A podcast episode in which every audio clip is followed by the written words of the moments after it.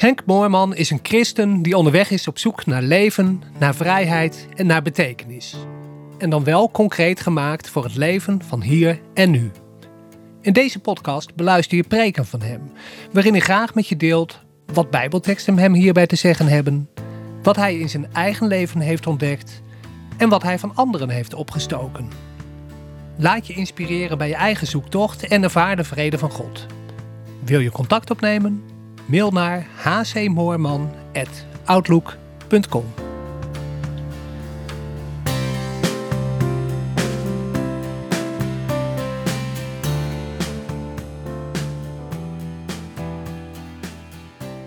Wil als onderwerp behandelen de Heilige Geest.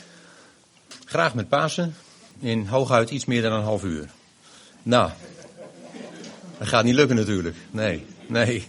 Dus hier en daar maar eens uh, wat aanstippen. Pasen. Uh, Jezus heeft de verbinding met God weer opengemaakt. Hè? Dat vind ik wel zo groot. Dat uh, voor mensen, voor ieder mens, het weer mogelijk is om naar God te komen, bij God te komen. De weg is vrij. Elke barrière, elke hindernis is opgeruimd. En Pasen, het leven, het leven uit God, heeft bewezen sterker te zijn dan de dood. Nou, dat vind ik iets geweldigs dat je daar altijd op kan terugvallen. Hè? Dat het niet een theorie is geweest alleen, maar het is bewezen. Het is gebleken. Nou, dat vind ik wel uh, geweldig sterk en heerlijk. Um, ja, en dan moet ik het over Pinkster hebben. Nou is er natuurlijk wel een verband hè, tussen Pasen en Pinksteren. Eigenlijk heel veel verband. Behalve in het woord Pinksteren komt van het Griekse woord uh, voor 50, hè, Pentecoste, Pentakoste. 50 wat? Ja, 50 dagen na Pasen is Pinksteren. Maar dat is niet voor niks zo alleen dat het zo heet. En ik sla maar even op uh, Lucas, laatste hoofdstuk 24. Uh, waar Jezus zelf die verbinding maakt. Dat is op de allerlaatste, of op de, op de allereerste dag van zijn opstanding speelt dit. Hij is opgestaan, hij verschijnt aan zijn discipelen. Vers 37 pak ik eerst maar even. En terwijl ze hierover spraken, want die Emmausgangers waren net teruggekomen diezelfde dag en hadden verteld wat hun overkomen was. Terwijl ze hierover spraken, stond hij zelf in hun midden. En ze werden ontzettend verschrikt en meenden een geest te aanschouwen. Maar hij zei tot hen, waarom zijn jullie ontsteld en waarom komen er overwegingen op in je hart? Vers 44. Dit zijn mijn woorden die ik tot jullie sprak toen ik nog bij jullie was. Dit, dat alles wat over mij geschreven staat in de wet van Mozes en de profeten en de psalmen moet vervuld worden. Toen opende hij hun verstand, zodat zij de schriften begrepen. En hij zei tot hen, al dus staat er geschreven dat de Christus moest lijden en ten derde dagen opstaan uit de doden. En dat in zijn naam moest gepredikt worden bekering tot vergeving der zonden aan alle volken, te beginnen bij Jeruzalem. Jullie zijn getuigen van deze dingen. En zie, ik doe de belofte van mijn vader op jullie komen, maar jullie moeten in de stad blijven, totdat je bekleed wordt met kracht uit de hoge. Nou, Pasen gaat dus over Pinksteren, zie je. Jezus die zegt van, uh, ik ben nu nog bij jullie, maar wel op een heel andere manier. Maar ik moet gaan, zeg je ergens anders, opdat ik jullie uh, de trooster kan zenden. Opdat ik jullie deze kracht uit de hoge uh, kan laten, naar jullie toe kan sturen. Eigenlijk zegt hij, wat hij later ook belooft, of ergens anders belooft, van ik zal bij jullie zijn, al de dagen van je leven, tot aan de voleinding der wereld. Maar ja, niet meer fysiek zoals ik drie jaar met jullie heb rondgelopen hier.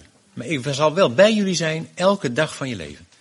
Hoe dan? Nou, door deze geest. Doordat ik jullie van dezelfde geest geef als ik van de Vader heb ontvangen.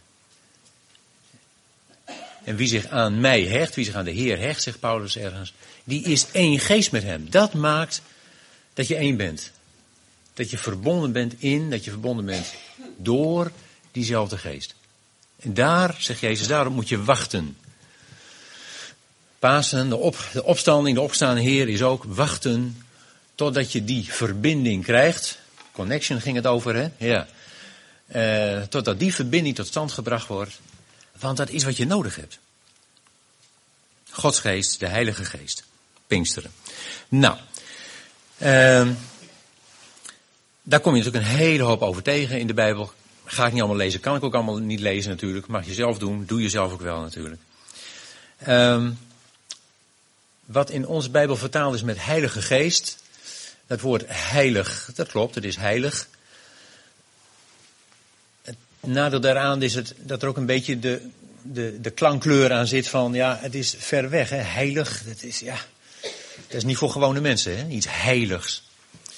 Het betekent heilig, het betekent ook zuiver, het betekent rein.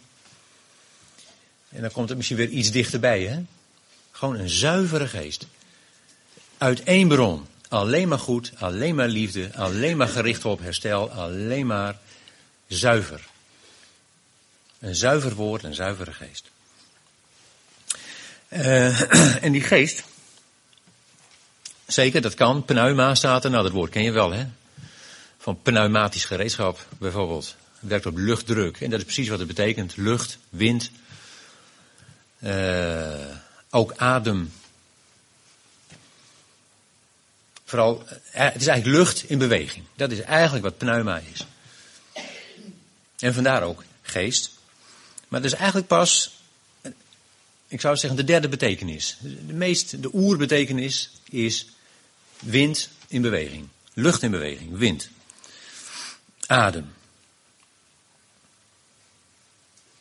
En zonder hoofdletters, hè? Die heilige hoofdletter, geest hoofdletter, mag je rustig vergeten, die staan niet in de grondtekst, die komen echt van de vertalers. Je ziet het zelfs in de NBG-vertaling. De ene keer is heilige met een hoofdletter en de andere keer is heilige met een kleine letter. En echt in de grondtekst staan geen hoofdletters. Waarom wijs ik daar zo op? Nou, omdat zodra je met hoofdletters doet, uh, krijgt het, wordt het een soort eigen naam. Hè? Van je hebt God en je hebt Jezus en je hebt, ik zou bijna zeggen, meneer de Heilige Geest. Als een soort persoon hè? in iemand. Het is niet zo. Daar staat echt gewoon zuivere geest. Soms met een, met een lidwoord, de Heilige Geest. Maar even vaak, ik heb het niet geteld, maar ik denk vaker zonder dat lidwoord. Zuivere geest. Je ontvangt van God zuivere geest. Van zijn adem, zou je misschien nog wel beter kunnen zeggen. Uh, de Nadense vertaling, die vertaalt het in, zeker in, in uh, eh, handelingen, als daar over de Heilige Geest gesproken wordt, vertelt hij dat met de Heilige uh, Geestesadem. Nou, zo zie je, je moet.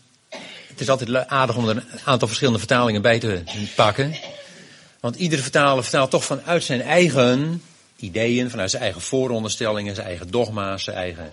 Nou, noem het maar op. Het is helemaal niet erg, want dat doen wij ook natuurlijk. Maar dan is het wel aardig om niet aan één kijk vast te zitten, maar om eens een aantal naast elkaar te leggen.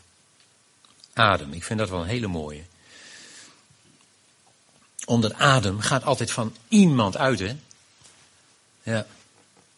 Het is iemands adem. Geen persoon dus. Gods geest kun je niet losmaken van God zelf. God is geest, zegt de Bijbel. En we praten over die geest, die God is. En van die geest deelt God uit. Ja, misschien kun je nog het beste zeggen, door die verbinding tot stand te brengen, kan die geest, die God is, zich ook uitstrekken tot jouw leven, tot mijn leven.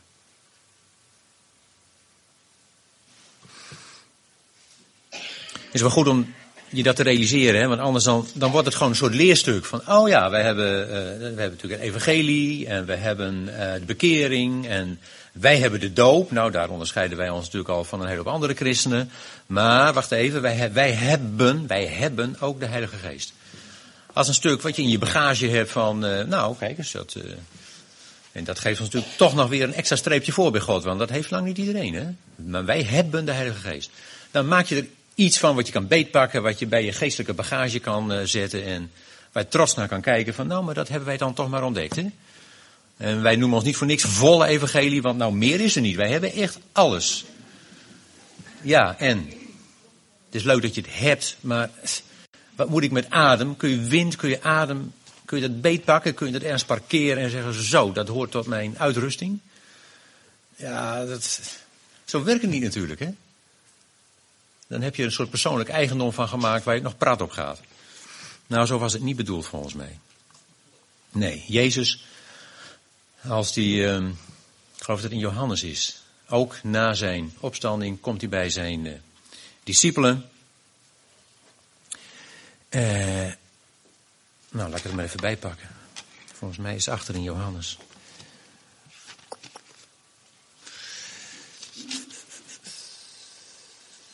Ja, hoofdstuk 20. 2. Oh, vers 22. Ja, ik wil zeggen. Ja. Ja. Vrede zij u. Gelijk de Vader mij gezonden heeft, zend ik ook jullie. En na dit gezegd te hebben, blies hij op hen. En zij tot hen ontvangt de Heilige Geest. Ontvang die zuivere geestesadem. Hij blies op hen. Nou, Jezus maakt het zelf wel heel mooi zichtbaar, vind ik daar. Niet van alsjeblieft, hier heb je nog een stenseltje waar ik ook precies uitleg hoe dat zit met de Heilige Geest. Kun je je klappertje doen, heb je dat ook weer compleet. Maar hij blaast op hen.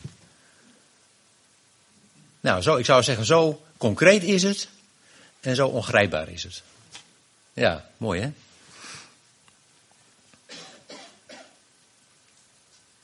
En als je het dus van die kant bekijkt, het is adem, het is geestesadem. Dat zie je bijvoorbeeld in de Naderse vertaling. Uh, die dan, uh, waar teksten die wij zo kennen als uh, de Heilige Geest.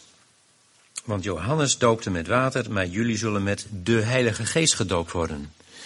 Jullie zullen met heilige, met zuivere geestesadem gedoopt worden. En van de discipelen staat er dan, zij werden vervuld met heilige geestesadem. En hoofdstuk 2, vers 38.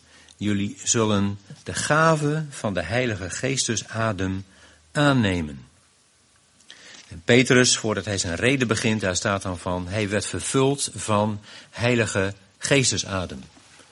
Ook niet de, zonder dat lidwoord. Dan wordt het veel meer iets, uh, Gods geest, wat jou aanblaast. Hè? Dan komt daar veel meer de beweging in, in plaats van een leerstuk van, oh ja, zo is dat. En wij weten dat gelukkig. Dat je wordt aangeblazen door Gods geest, zoals Jezus dat duidelijk maakt als hij zijn discipelen toespreken op hem blaast. In het Latijn, en je kent veel meer Latijn dan je denkt hoor, zou je zeggen, je wordt geïnspireerd. Dat is precies hetzelfde woord. Spiritus is het Latijnse woord voor, ook voor, niet voor geest hoor, maar voor wind, voor adem geïnspireerd is. Dat je door die geest wordt aangeblazen. Nou, bij geïnspireerd worden kun je iets voorstellen. Hè? Dat je opeens denkt, hey, hey, uh, ik krijg energie. Of hey, er komt een gedachte in me op waar ik iets mee kan. En die ga ik uitwerken en daar ga ik mee aan de slag. Dat is geïnspireerd worden. Nou, dat is, denk ik, wat God bedoelt als hij zegt, ik, je mag de gave van die geestesadem aannemen. Dat die jou kan aanblazen. Inspireren. En dan wordt het een beweging. Dan wordt Gods geest, die geestesadem, dat wordt een beweging die is begonnen met blazen, zeg maar, in Genesis. Hè? Laat ons mensen maken naar ons beeld. Daar is die geest gaan waaien. En die geest waait waarheen die wil. En dat is helemaal naar datgene wat in openbaringen beschreven staat. Dat God alles zal zijn in allen. Die beweging, dat is een beweging van de geest. Van die geestesadem. En als je gedachten door die adem onder woorden brengt, dan krijg je dus woorden. Hè? Ja. Nou, die vinden we terug in de Bijbel. En het meest levende voorbeeld daarvan, zou ik zeggen, is Jezus zelf. Als woord van God. Ja, tot de voltooiing waait, blaast die geestesadem en als het goed is, blaast hij ons levens, onze levens aan in die richting. En dan wordt Gods geest van zijn geest ontvangen hebben, wordt een kwestie van in beweging zijn, van onderweg zijn. Ja. Misschien is er, uh, ik zat te denken uh, op zoek naar een beeld hè, van uh, zeilen. Leven met Gods geest is onderweg zijn in je zeilboot. Je wordt voortbewogen door, door de wind, door een kracht die buiten jezelf is en die waait. en je hebt alle ruimte, je hebt alle vrijheid. Gooi die trossen maar los en de ankers en laat je maar aanblazen. Laat je maar aanblazen. Ga die ruimte in. Maak gebruik van die, van die vrijheid die je gekregen hebt, die jou beschikt is. En natuurlijk, het is ook iets ongewis, hè? Van, en, en waar komen we dan uit en waar zullen we heen gaan en wat gebeurt er allemaal? Ja, dat hoort er ook wel bij, denk ik. Terwijl tegelijkertijd heb je als mens natuurlijk zo de behoefte om de zaken onder controle te houden dat het allemaal een beetje voorspelbaar is en dat je zelf, uh, ja. Nou, dat kunt ik op twee manieren doen, hè. De zaak onder controle houden. Je kan zeggen, jongens, uh, hou, uh, hou het schip goed aangemeerd, hè. De kabels goed vast om de bolders, schip strak tegen de kade. Nou, dan heb je de zaak perfect onder controle, absoluut. maar er kan ook helemaal niks meer gebeuren. Geen enkele verrassing, niks. En dat is natuurlijk tegelijkertijd het probleem. Er kan niks meer gebeuren namelijk. Nee je kunt natuurlijk ook op een andere manier onder controle houden. Wat dat betreft vond ik dat zeilen toch wel een aardig beeld. Want als je zeilt, heb je zelf wel het roer in handen. En als je zeilt, heb je zelf wel de touwen in de handen. je bedient zelf wel de zeilen. En daarmee kun je dus ook bepalen hoe je op de wind vaart. En hoe hard. En als het al te hard gaat, kun je wat zeil minderen en zeggen, jongens, wacht even, dit gaat dus wat te hard. Of je kunt zeil bijzetten. Je kunt zeggen, hoor, dus die wind waait, maar je hoeft niet recht voor de wind. Je kunt zo, je kunt zo. Dus in die zin is het eigenlijk een samenwerking van die wind, de adem, de geest van God en jijzelf. Als degene die in jouw leven zelf aan het roer zit hoor. En de zeilen bedient. Ja. Kijk, en haaks daarop staat natuurlijk een soort christelijke levenswandel, ja, die gestuurd wordt, ik zal niet eens zeggen aangeblazen, maar die gestuurd wordt door, uh, door traditie hoe het altijd geweest is. Nou, de meeste van ons hebben natuurlijk afscheid genomen, of heel wat mensen hebben afscheid genomen van allerlei kerkelijke tradities. Maar wat dacht je onderhand van volle evangelietradities? Hè? Ja. Die zijn misschien nog wel veel taaier. Want daar heb je zelfs ongeveer van aan de wieg gestaan. Nou, neem daar maar eens afscheid van. Ja. Ja. ja. Want ook daar zijn natuurlijk een hele hoop tradities, ook waar het gaat over Gods geest en hoe die werkt en wat je daarvan mag verwachten en, en nou, noem maar op. Ja, traditie, eh, de eigen volle evangeliewaarheden, de liturgie, nou dan valt dat bij ons nog wel mee, denk ik. Uh, autoriteit. Autoriteit. Nou, bij ons is het over het algemeen niet van de dominee zegt, dus het is zo. Dat valt denk ik nog wel mee, mag ik hopen tenminste. Nou, wij voelen elkaar hier op tot zelfstandigheid, dus daar heb ik alle vertrouwen in. Uh, maar wat dacht je van men als autoriteit? Men vindt, of wat zal men wel niet zeggen als. Ja, ja, dat is een sterke autoriteit hoor, een sterke kracht. Verkijk je er niet op, ja. Het staat ook haaks op, zeg maar, gemakzucht, hè? Beetje, nou, een beetje aan de veilige kant houden, geen risico's nemen, het moet niet al te veel uh, inspanning kosten. Het staat ook een beetje uh, haaks op de hang naar, ik noem het maar de hang naar leuk. Dat is een beetje de, geest van deze tijd, om het zo maar te zeggen. Het moet, het moet allemaal genieten zijn, het moet allemaal leuk zijn, het moet allemaal plezierig zijn, het moet allemaal lekker gaan, het moet al, nou dat hè, ja. Ja, als ik mij op een gegeven moment ook als christen uh, behagelijk heb genesteld, zal ik maar zeggen, in, in, in de zitzak van mijn eigen kleine bestaan. En daar zit ik wat te koekoenen. Uh, ja. Hè? Ja, als je niet uitkijkt, wordt niet een zitzak. Maar hoeveel kans heeft Gods geest dan nog om mij aan te blazen? Hè? Ja, om met mijn leven onderweg te zijn naar, nou, dat God werkelijk uh, alles wordt in allen. Dat zijn wezen zichtbaar wordt heel concreet in onze levens, in mijn leven. Nou, Daar heb ik een stelling van uh, op papier gezet, want, dat heb ik nog vergeten te vertellen, de bedoeling is, oh, dat had ik natuurlijk aan het begin moeten zeggen, maar dat is eerder al aangekondigd, heel goed, dat dit een onderwerp is waarop de huiskringen over gesproken wordt. Ofwel de eerstvolgende keer, of een keer daarna, zodat mensen die er niet zijn dit nog een keer op een cd kunnen beluisteren. Maar het moest een preek zijn bovendien met open einden en vragen. Nou, dat valt niet mee, vind ik hoor, een preek met open einden. Maar ik heb er dus maar stellingen van gemaakt. Uh, en de eerste stelling is: wil ik meer ruimte. Oh nee, sorry. Als het goed. Ja, nee, oké, die is. Ja, ja, ja, want ik heb hem nog op de valreep veranderd. Ik had nog wat algemener, maar Hilde zei ja, als je het algemeen formuleert, dan zegt iedereen ja, natuurlijk ben ik het mee eens. Dus dat, uh, dat schiet niet op. Hè? Dus ik heb hem wat persoonlijker en hier en daar wat provocerender gemaakt. Wil ik meer ruimte voor Gods geest in mijn leven, dan moet ik minder vastzitten aan de aardse zekerheden en loskomen uit de zitzak. Maar hoe doe ik dat? Nou, stelling. Mag je meenemen? Minder vastzitten aan aardse zekerheden, loskomen uit de zitzak. Gisteren zei er iemand, ah, minder vastzitten aan aardse dingen, dat uh, is niet zo moeilijk. Moet je regelmatig wat nieuws kopen. maar zo bedoel ik het niet, dat snap je wel. Ja. Nou, ik zie de vrouw al knikken. Ja, ja, ja. Ja, dat weet ik niet. Dat zie ik toevallig. Ja. Ja, precies. Nee hoor, als je een nieuwe auto wil, mannen, dan kun je hetzelfde argument gebruiken. Goed. Nou, dat is stelling 1.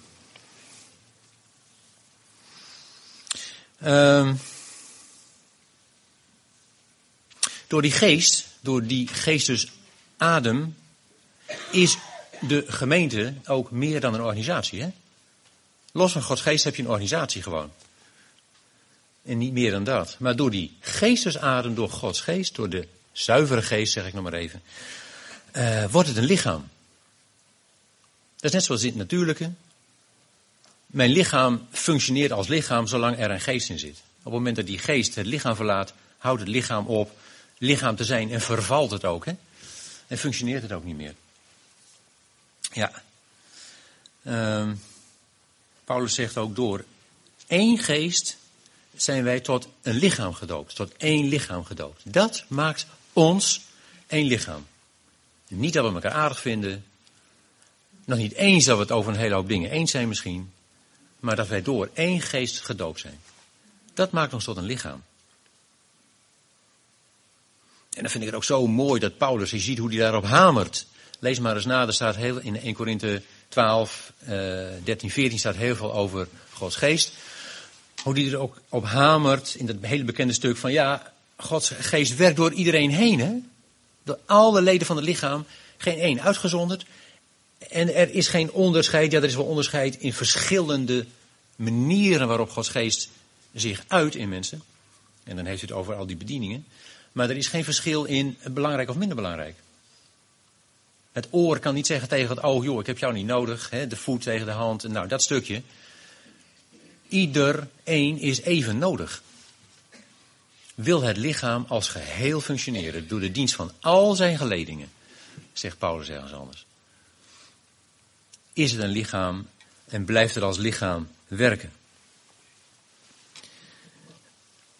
En, staat er ook bij, uh, ieder heeft zijn eigen plek van God aangewezen gekregen. Dat vond ik ook wel een sterke. 1 Korinthe 12, ik zal het er even bij pakken, dan kun je zien dat ik het zelf niet bedenk. Oh, dan zit ik in 2 Korinthe. Uh,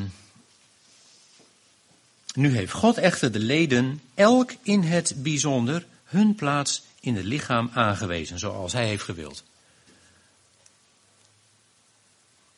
God heeft de leden elk in het bijzonder hun plaats aangewezen.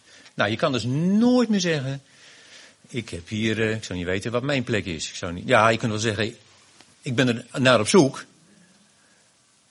Maar hier staat dat God elk in het bijzonder, dat God jou ook in het bijzonder een plek in het lichaam heeft aangewezen. Uh, vers 8. 18. 1 Korinthe 12, vers 18.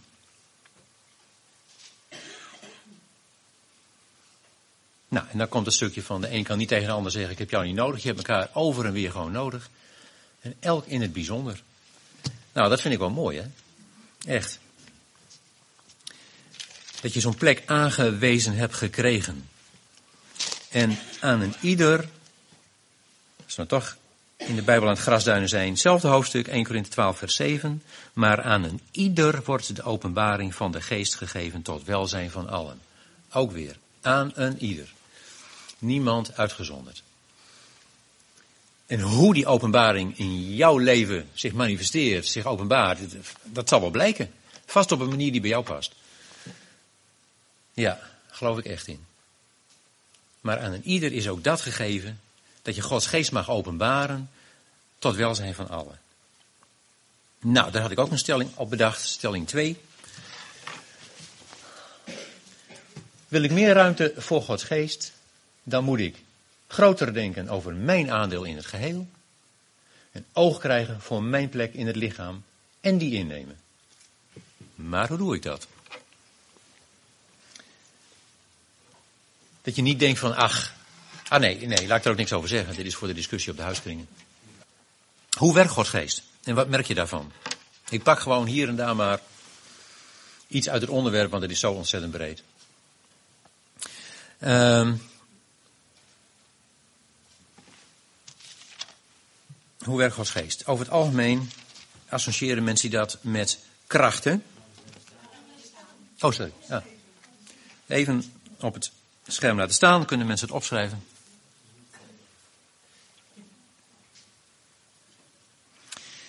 En er zijn verschillende teksten die daarover gaan, over krachten. Uh, Jezus zelf zegt dat.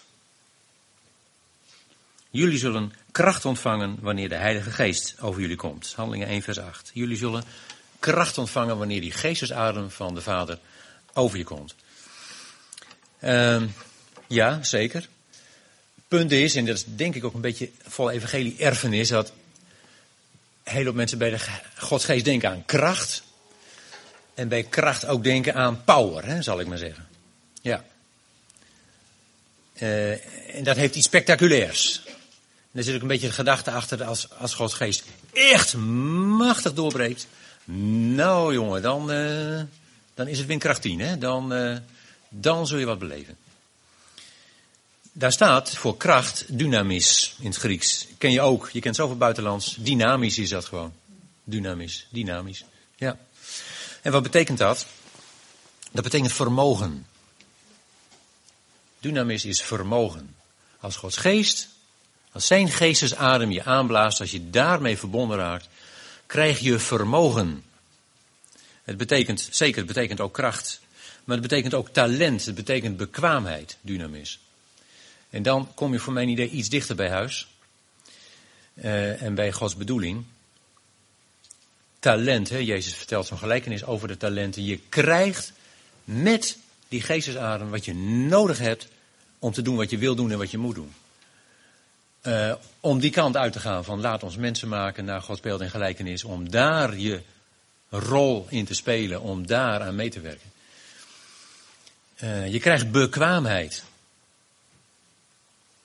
Bekwaamheden die je menselijke bekwaamheden te boven gaan. Of misschien moet ik gaan zeggen, bekwaamheden die, een bekwaamheid die jouw menselijke bekwaamheid, vermogen, ja, naar een hoger plan tilt. Naar een geestenplan tilt. Die daar een extra dimensie aan geeft.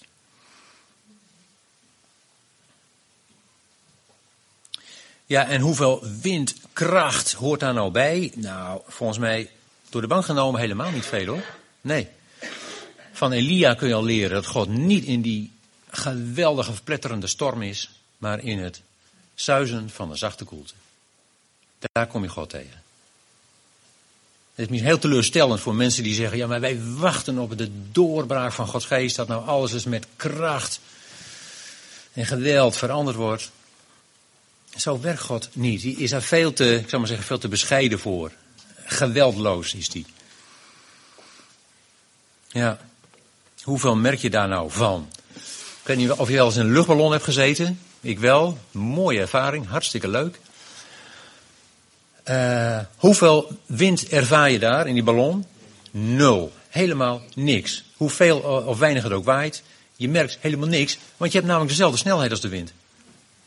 Ja. Dus wie die beweging meemaakt van Gods geest, die zal er heel weinig van merken. Want je hebt diezelfde, je maakt die beweging mee. Ja. Dus het is heerlijk rustig daar waar Gods geest werkt. Ja. Buitenstaanders zullen misschien zeggen, hé, hey, er zit beweging in. Ja. Als je vanaf de grond kijkt.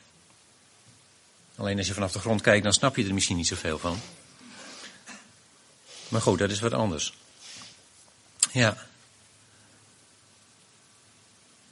De wind blaast waarheen die wil, zegt Jezus in een gesprek met Nicodemus.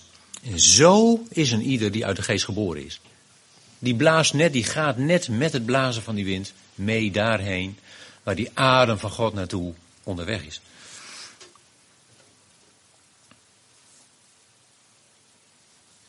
En die beweging van God is, is in principe altijd van boven naar beneden. God daalt altijd af naar mensenlevens. Het sterke voegt zich altijd naar het zwakke. Is altijd op zoek naar degene die daar, nou ja, uitgeteld ligt, zal ik maar zeggen. En die beweging is ook altijd omhoog, hè? Waar je iemand hebt aangetroffen, probeer je iemand weer op zijn benen te zetten. Probeer je hem weer overeind te krijgen. Probeer je hem weer zicht op God te geven. Ja, dat is de beweging van die geestesadem. Dus, stelling 3. Veel geestelijke turbulentie heb ik het maar even genoemd. Duidt niet op de werking van Gods geest. Mag je over discussiëren, mag je over praten.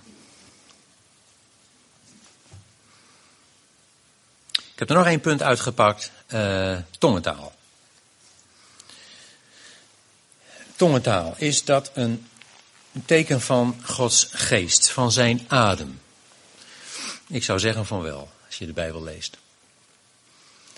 Uh, waarbij je natuurlijk altijd moet oppassen dat je niet omkeert. He, door te zeggen van, ja, maar als ik, als bij mij die tongentaal niet functioneert, nou dan zal ik dus Gods geest van niet ontvangen hebben. Want je kunt het niet omkeren. Nee. Maar bij Gods geest, bij Gods geestes adem hoort de, nou, de gave, zeg maar. Het geschenk dat je Gods gedachten klank en vorm kan geven, stem kan geven. Tongentaal. Spreken allen in tongen? Spreekt iedereen in tongen? Ja, daar kun je, als je de Bijbel erbij pakt, verschillende kanten mee uit. Uh, Paulus die zegt, hè, van, uh, ik wou wel dat allen in tongen uh, spraken. Nou, daaruit kun je afleiden dat ook in de eerste gemeente dat niet het geval was, dus dat allen in tongen spraken.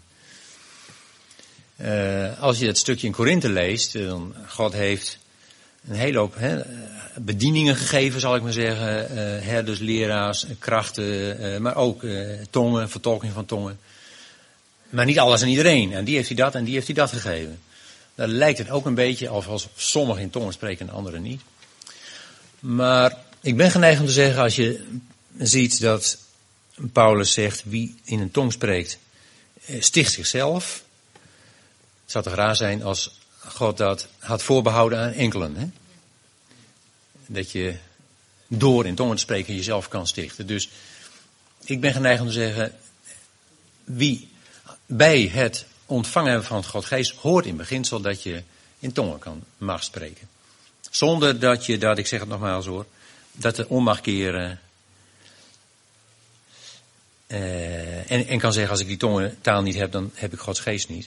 En wie dat niet heeft, nou ja, volgens mij moet je daar maar heel relaxed mee omgaan en zeggen, nou heer, ik wil het graag.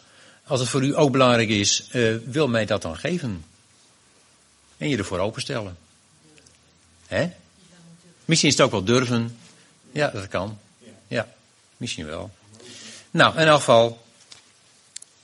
Ja, ik denk dat je dat zo best bij God mag neerleggen. Van nou, ik wil dat graag, Heer. Geef mij dat ook dan. Uh, en dat vermag verwachten en je ervoor openstellen, ja. Wie in een tong spreekt, ik zei het al, uh, Paulus aanhalend, sticht zichzelf. Bouwt zichzelf op, staat er. Letterlijk er, bouwt zijn eigen huis. Vind ik wel aardig. Ja. Maar je bouwt jezelf op.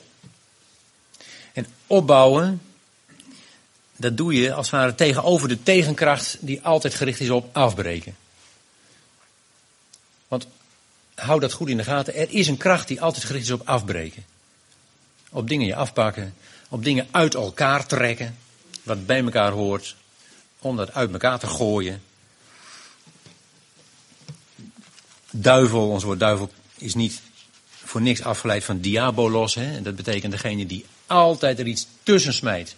Om de zaak uit elkaar te gooien. Ja, dat is zijn aard. Verdelen. Want nadat je verdeeld hebt, kun je heersen. Ja, dat is de strategie.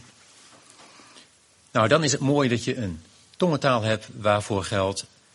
Die kun je gebruiken om op te bouwen. Als je merkt dat je uit elkaar gescheurd wordt. Als je merkt dat je wordt afgebroken, klein gemaakt wordt. Dat je die taal mag gebruiken. Dat is een tegenkracht is tegen de afbraak. Dat het helend werkt tegen dat uiteentrekken. Dat je klank mag geven aan de, aan de gedachten van je vader. Die, aan die gedachten die zeggen, maar jij bent mijn kind, de beminde, in wie ik een welbehagen heb. Dat je dat kan zeggen in, in een taal die geestelijk verstaan wordt. Die geestelijk impact heeft. Ja, dat je stem kan geven aan Gods gedachten. En het is vanmorgen al gezegd, die geest is een geest van liefde. Gods gedachten zijn altijd gedachten van liefde, van herstel, van heling. Nou, dat je die gedachten mag verklanken. Dat God zo intiem met je wil zijn dat hij zegt, je mag, ik wil jou mijn gedachten geven, je mag ook mijn taal gebruiken. De taal die hoort bij mijn geest. En ook die geest is dus liefde. Door de Heilige Geest, zegt Paulus, is de liefde Gods in onze harten uitgestort. Door die geest, doordat je daarmee verbonden bent geraakt, is Gods liefde in jouw hart uitgestort. En kun je die liefde ook naar anderen weer openbaren. Bewijzen. Ja. Door die geest, uh, staat in Romeinen 5 vers 5, door die geest spreek je ook geheimenissen. Door die geest spreek je geheimenissen. Oh, zegt Paulus, en als ik het over geheimenissen heb, dan heb ik het over Christus en zijn gemeente. Over die geheimenissen heb je het als je het hebt over uh, tongentaal. Dat geheimenis is groot, zegt hij. Maar dan heb ik het over Christus en over zijn gemeente. Over Jezus en over jou. Want dat kun je nooit los van elkaar maken. Jezus is degene die doopt met Gods geest. Dat moet je goed vasthouden. Jezus is degene die doopt met Gods geest. Ergens is op een gegeven moment sprake van luiden zeggen, oh maar ik heb de geest van eh, die ontvangen. Nee, maar ik heb uh, de geest van die ontvangen. En, dat worden clubjes en uh, als je niet oppast worden dat scheuringen. Jezus is degene die van die geest uitdeelt. Die op die manier zegt, zo zijn en zo blijven wij één. Dus veronachtzaam de tongentaal niet, zou ik zeggen. En dat is dan volgens mij ook de vierde stelling. Ik heb het allemaal maar ik gemaakt, hè, en is het gelijk heel dichtbij. Ik onderschat het effect van tongentaal en gebruik het te weinig. Of niet, of wel, of toch. Nou, praat er maar over. Nou, tenslotte. Hoe ontvang je van die geest? Ja, ik zou heel zeggen, zeggen heel eenvoudig. Door erom te vragen. Want zo eenvoudig is God. Hij deelt graag uit. Door je ervoor open te stellen en door God te bidden, wil mij uh, van uw geest geven. Zodat ik daarmee verbonden raak, zodat hij ook in mijn leven kan werken. En door dat te verwachten. Ja. Nou, voor wie denkt of weet, ik heb Gods geest nog nooit ontvangen. Denk erover na. Of dat iets is waarvan je zegt, ja, eigenlijk wil ik dat. Want ik kan er niet zonder. Ik wil er niet zonder.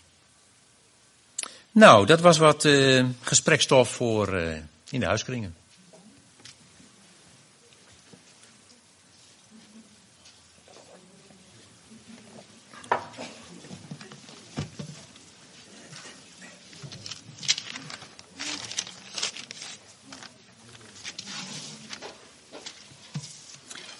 Goed, zullen we bidden?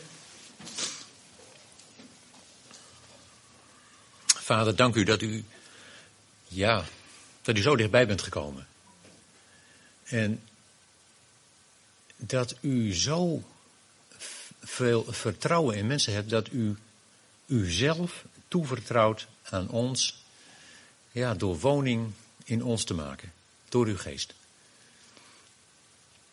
Door u zelf met ons te verbinden, door wat in u is aan ons bekend te maken. Nou, vader, dat is wel heel kostbaar, dat is ook heel uh, kwetsbaar. Bid dat wij met dat geheimenis ook op een hele goede manier kunnen omgaan. Uh, en ons het, het waardig betonen. Ja. Amen. Wil je contact opnemen? Mail naar hcmoorman.outlook.com